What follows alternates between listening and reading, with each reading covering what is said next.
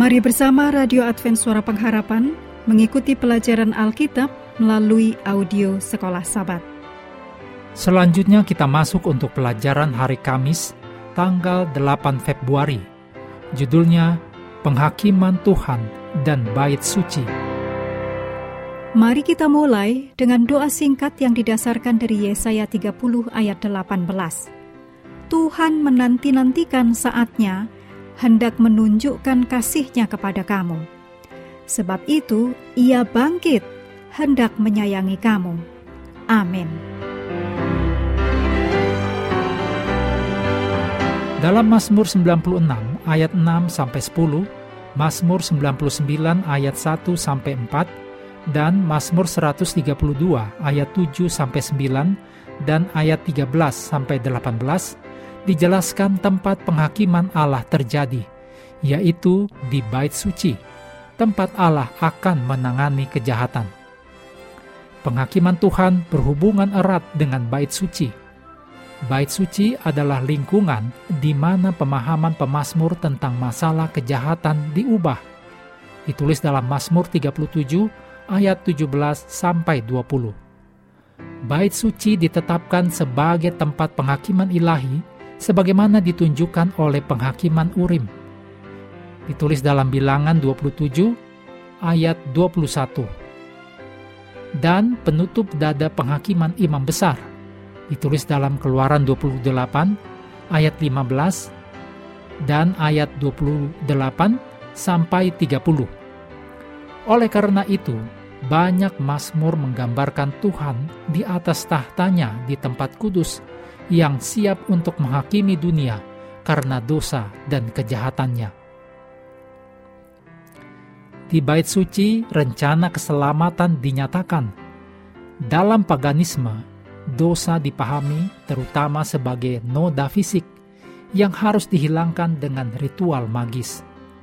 Sebaliknya, Alkitab menampilkan dosa sebagai pelanggaran terhadap hukum moral Allah.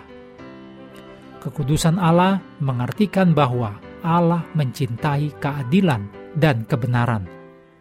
Demikian pula, umat Tuhan harus mengejar keadilan dan kebenaran dan harus menyembah Tuhan dalam kekudusannya. Untuk melakukan itu, umat harus menuruti hukum Allah yang merupakan ungkapan kekudusannya. Jadi, bait suci adalah tempat pengampunan dosa dan pemulihan kebenaran, sebagaimana ditunjukkan oleh tutup pendamaian tahta Allah dan korban yang benar. Ditulis dalam ulangan 33 ayat 19 dan Mazmur 4 ayat 6. Namun, Tuhan yang mengampuni, membalas perbuatan jahat orang-orang yang tidak bertobat. Ditulis dalam Mazmur 99 ayat 8. Implikasi praktis dari bait suci sebagai tempat penghakiman ilahi terlihat dalam kesadaran terus-menerus akan kekudusan Allah dan tuntutan untuk hidup benar sesuai dengan persyaratan perjanjian Allah.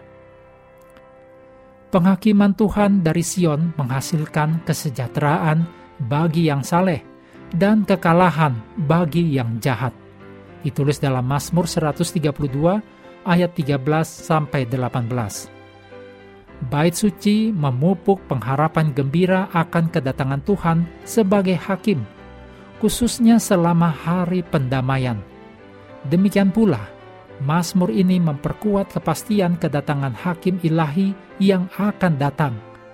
Ditulis dalam Mazmur 96 ayat 13 dan Mazmur 98 ayat 9, yaitu Yesus Kristus di bait suci surgawi. Ditulis dalam Wahyu 11 ayat 15 sampai 19. Roma 8 ayat 34 menuliskan, Kristus Yesus yang telah mati, bahkan lebih lagi, yang telah bangkit, yang juga duduk di sebelah kanan Allah, yang malah menjadi pembela bagi kita. Ayat ini menunjukkan kepada kita bahwa apa yang dilakukan Kristus di bait suci surgawi adalah kabar baik bagi umatnya. Mengakhiri pelajaran hari ini, mari kembali ke ayat inti Mazmur 12 ayat 6. Oleh karena penindasan terhadap orang-orang yang lemah, oleh karena keluhan orang-orang miskin, sekarang juga aku bangkit, firman Tuhan.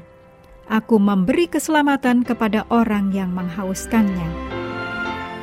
Kami terus mendorong Anda bersekutu dengan Tuhan setiap hari, bersama dengan seluruh anggota keluarga, baik melalui renungan harian, pelajaran sekolah sahabat, dan bacaan Alkitab sedunia, percayalah kepada nabi-nabinya, yang untuk hari ini melanjutkan dari Yeremia pasal 11.